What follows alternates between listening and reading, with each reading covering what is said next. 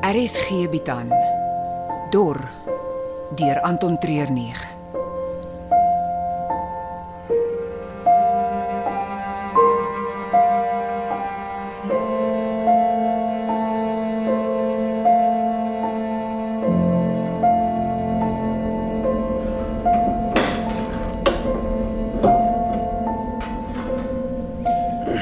Wat soek jy in die bakkie? Ja, ons moet seker maak hier's daar 'n engine in.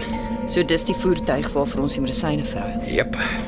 Hou daai kers bietjie nader aan die engine blok. Ek kan niks sien nie. Nou oordryf jy. Dis volmaan. En die ding is so vol olie dat alles pikswart lyk. Ek moet seker maak die drade en pypies is heel.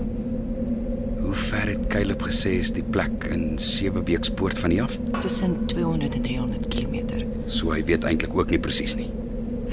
Dit moet jy maar vir hom vra. Ja, ek sal as ek hom weer sien. So van Caleb gepraat. Waar is hy?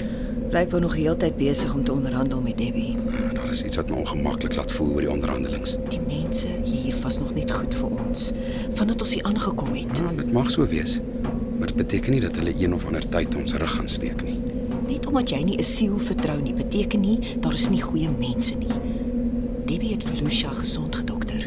Met die medisyne wat ek hier aangebring het, wat Caleb nou sonder my besig is om te verkwansel. O, so dis waar dit gaan. Jy voel uitgesluit. Nou- Natuurlik. Ons sê die vonkprop is uit. Bring die kers nader. As ek dit nog nader bring, brand ek jou hand. Jy sal dit geniet. Wa- Waarvoor kyk jy? Hoe groot die gaping is waar die vonk moet plaasvind en of daar enige brandmerke is. En Met my beperkte kennis lyk dit oukei. Okay. Jy sê Lucia is weer aan die beweeg. ja, al die swelling is weg. Dan moet ons seker begin regmaak om die pad te vat. Vir wat is jy so haastig? Ek het gesien wat is aan die kom en glo my, ons wil nie hier wees daarvoor nie.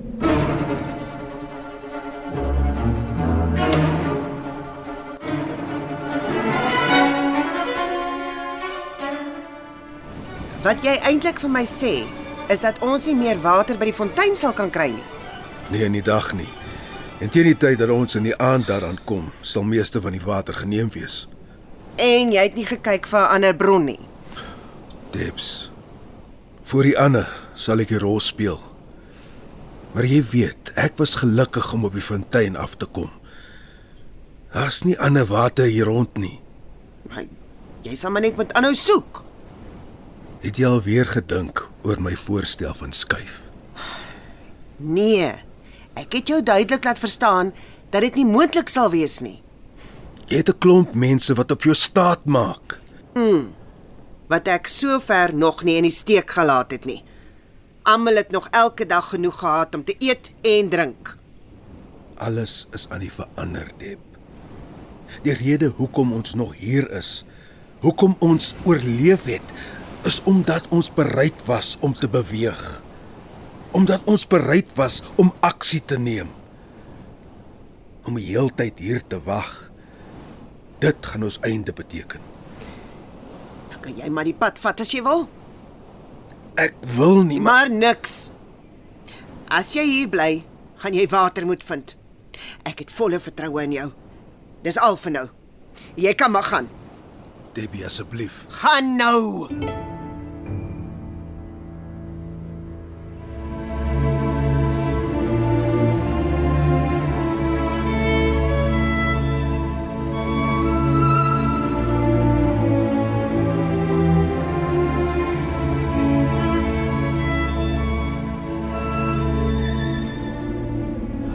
Die bande voel glad. Dis nie asof daar speedkops langs die pad gaan wees om ons af te trek nie, Rikus. En as die band bars, Ou, oh, is daar 'n spaar?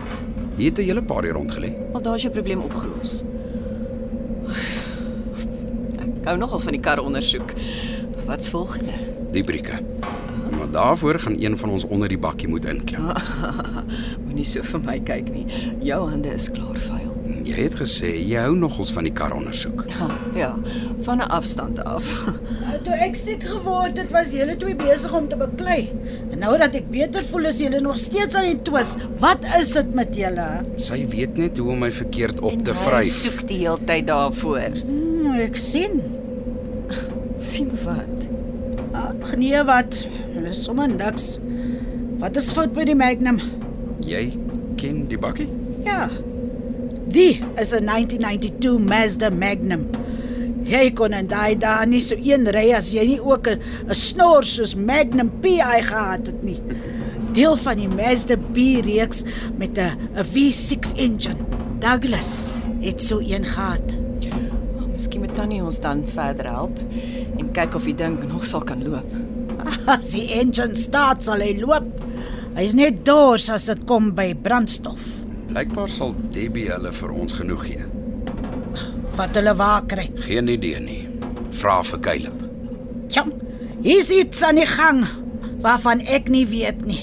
Rikus voel uitgesluit uit die onderhandelings. Ek wil net weet wat aangaan. Ek het vir Caleb gevra om ons onderhandeling so stil as moontlik te hou. Maar op die einde van die dag was die medisyne nie net syne om mee te onderhandel nie. Hy het dit so aan my verduidelik.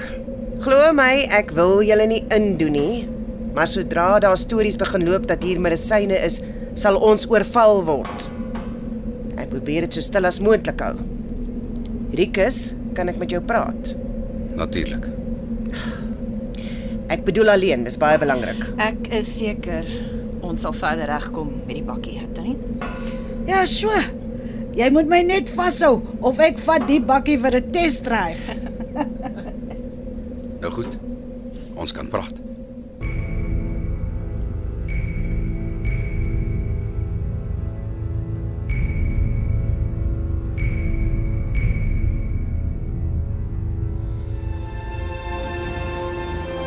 O, kan jy vir my verduidelik wat jy vandag by die fontein gesien het? Die dorpmense wat daar water gekry het. Robbie sê vir my jy dink hulle ontwikkel sekere vaardighede. Ek kon sien dat hulle met mekaar kommunikeer. Dis nog steeds net gromgeluide, maar dit het gelyk of een beveel aan die ander gee. Dan het hulle water geskep en ook gebere en houers vir later. Maar die manier wat hulle ons spoor gevat het. Op die einde van die dag is hulle steeds mense. Hulle het teruggeslaan hulle oerbrein toe om te oorleef, maar die breinkrag is nog steeds daar. Hulle kan beslis vaardighede ontwikkel. En hoeveel van hulle was daar? Ja, ek kon net vinnig kyk. As dit die hele groep was so tussen 16 en 22. Is jy seker? Ek moes vinnig diere in moeilike omstandighede in die bos stel vir 'n lewe. Ek dink my skatting is akuraat. Sal ons hulle kan uithaal? Wat? Wel, hulle was al reeds ons grootste bedreiging. Nou het hulle ons waterbron beset en as jy reg is oor hulle, sal hulle een of ander tyd as 'n georganiseerde groep ons kan aanval. As ons nie nou van hulle ontslaa raak nie, gaan hulle ons einde beteken.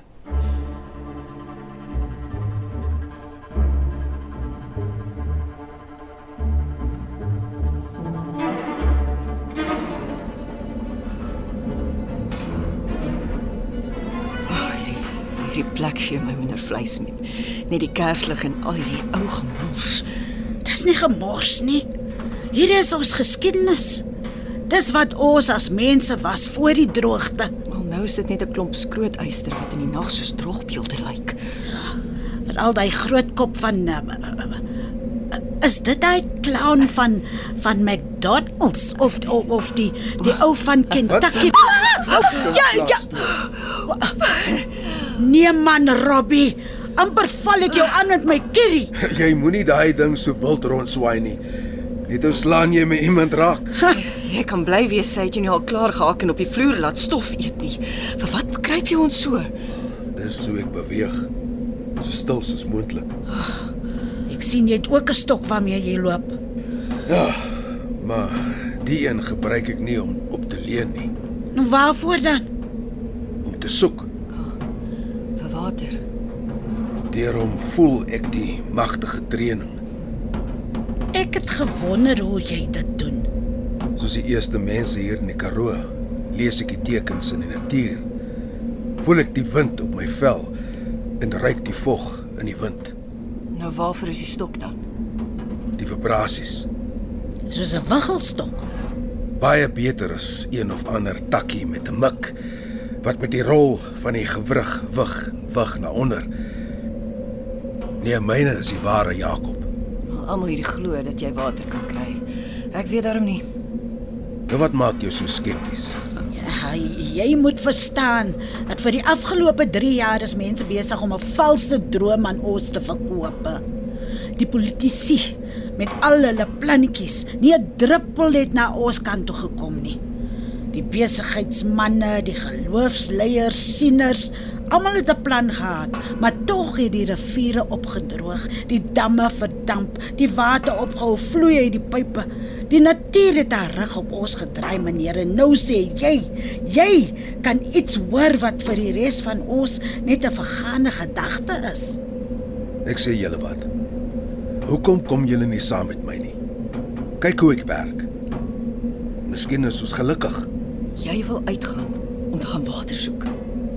Die beste tyd is net voor dagbreek. Dis wanneer die res van die wêreld die stilste is en ek die beste hoor, Ja, maar is dit veilig? so veilig soos wat dit hier kan wees.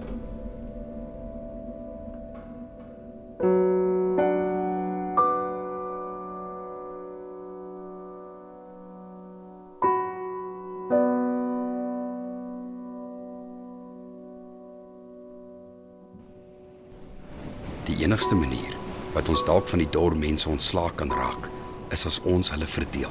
Die groep opbreek. Uh uh. Ons het dit al probeer, maar hulle vind mekaar weer. Drie goed moet gebeur. Ons moet die leier uithaal. Tweedens uit van waar hulle is, hulle kamp of by mekaar kom plek. Ons sal dit moet vernietig. Iets sê vir my ek gaan nie van nommer 3 hou nie, Hulle water. wat op die oomblik ons fontein is. Ons gaan dit moet vergiftig. Daar's nie 'n manier wat ek die water vergiftig nie. Dis die enigste ding wat die gemeenskap aan mekaar hou. Aan mekaar en vasgevang. Jy kan nie van my verwag om dit te doen nie. Net tydelik. 'n Paar dae op die meeste. Die risiko is te groot. Jy het gevra vir 'n manier om van hulle ontslae te raak. Dis wat ek vir jou gegee het. Of ons dit gaan uitvoer, dit hang van jou af. Miskien moet ons wag en kyk of Rabbi op 'n ander plek water kry. Ek dink Robbie het ander planne. Soos wat? Hy het dit laat klink asof daar 'n groot trek gaan plaasvind. Geen idee waarvan jy praat nie. So hy het nog niks gesê oor die stukkie hemel aan die ander kant van die hel nie. Maar dis net 'n storie. Ja, soos hy dit vertel het, was dit die naaste aan 'n stukkie waarheid wat ek in 'n lang tyd gehoor het. Ons doen goed genoeg net hier in Klaarstroom. Vandat ek hier aangekom het, het die porsies kos elke dag kleiner geword. Ek weet self hoe dit met die water gaan. En die medisyne wat ek met julle ruil, sal nie vir meer as 'n paar maande hou nie.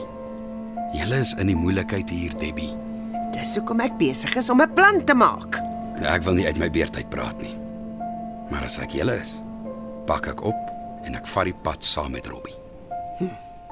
Want dit is uit jou beurt uit. As Robbie nie water kan vind nie, gaan ons jou plan volg en van die dormense ontslaa raak. Jy hoef nie nog mense te verloor nie, Debbie. Ek het al die mense waarvoor ek omgee klaar verloor. En hier in Klaarstroom is die enigste plek waar ek 'n stuk van my siel kan terugkry. Ek het klaar besluit.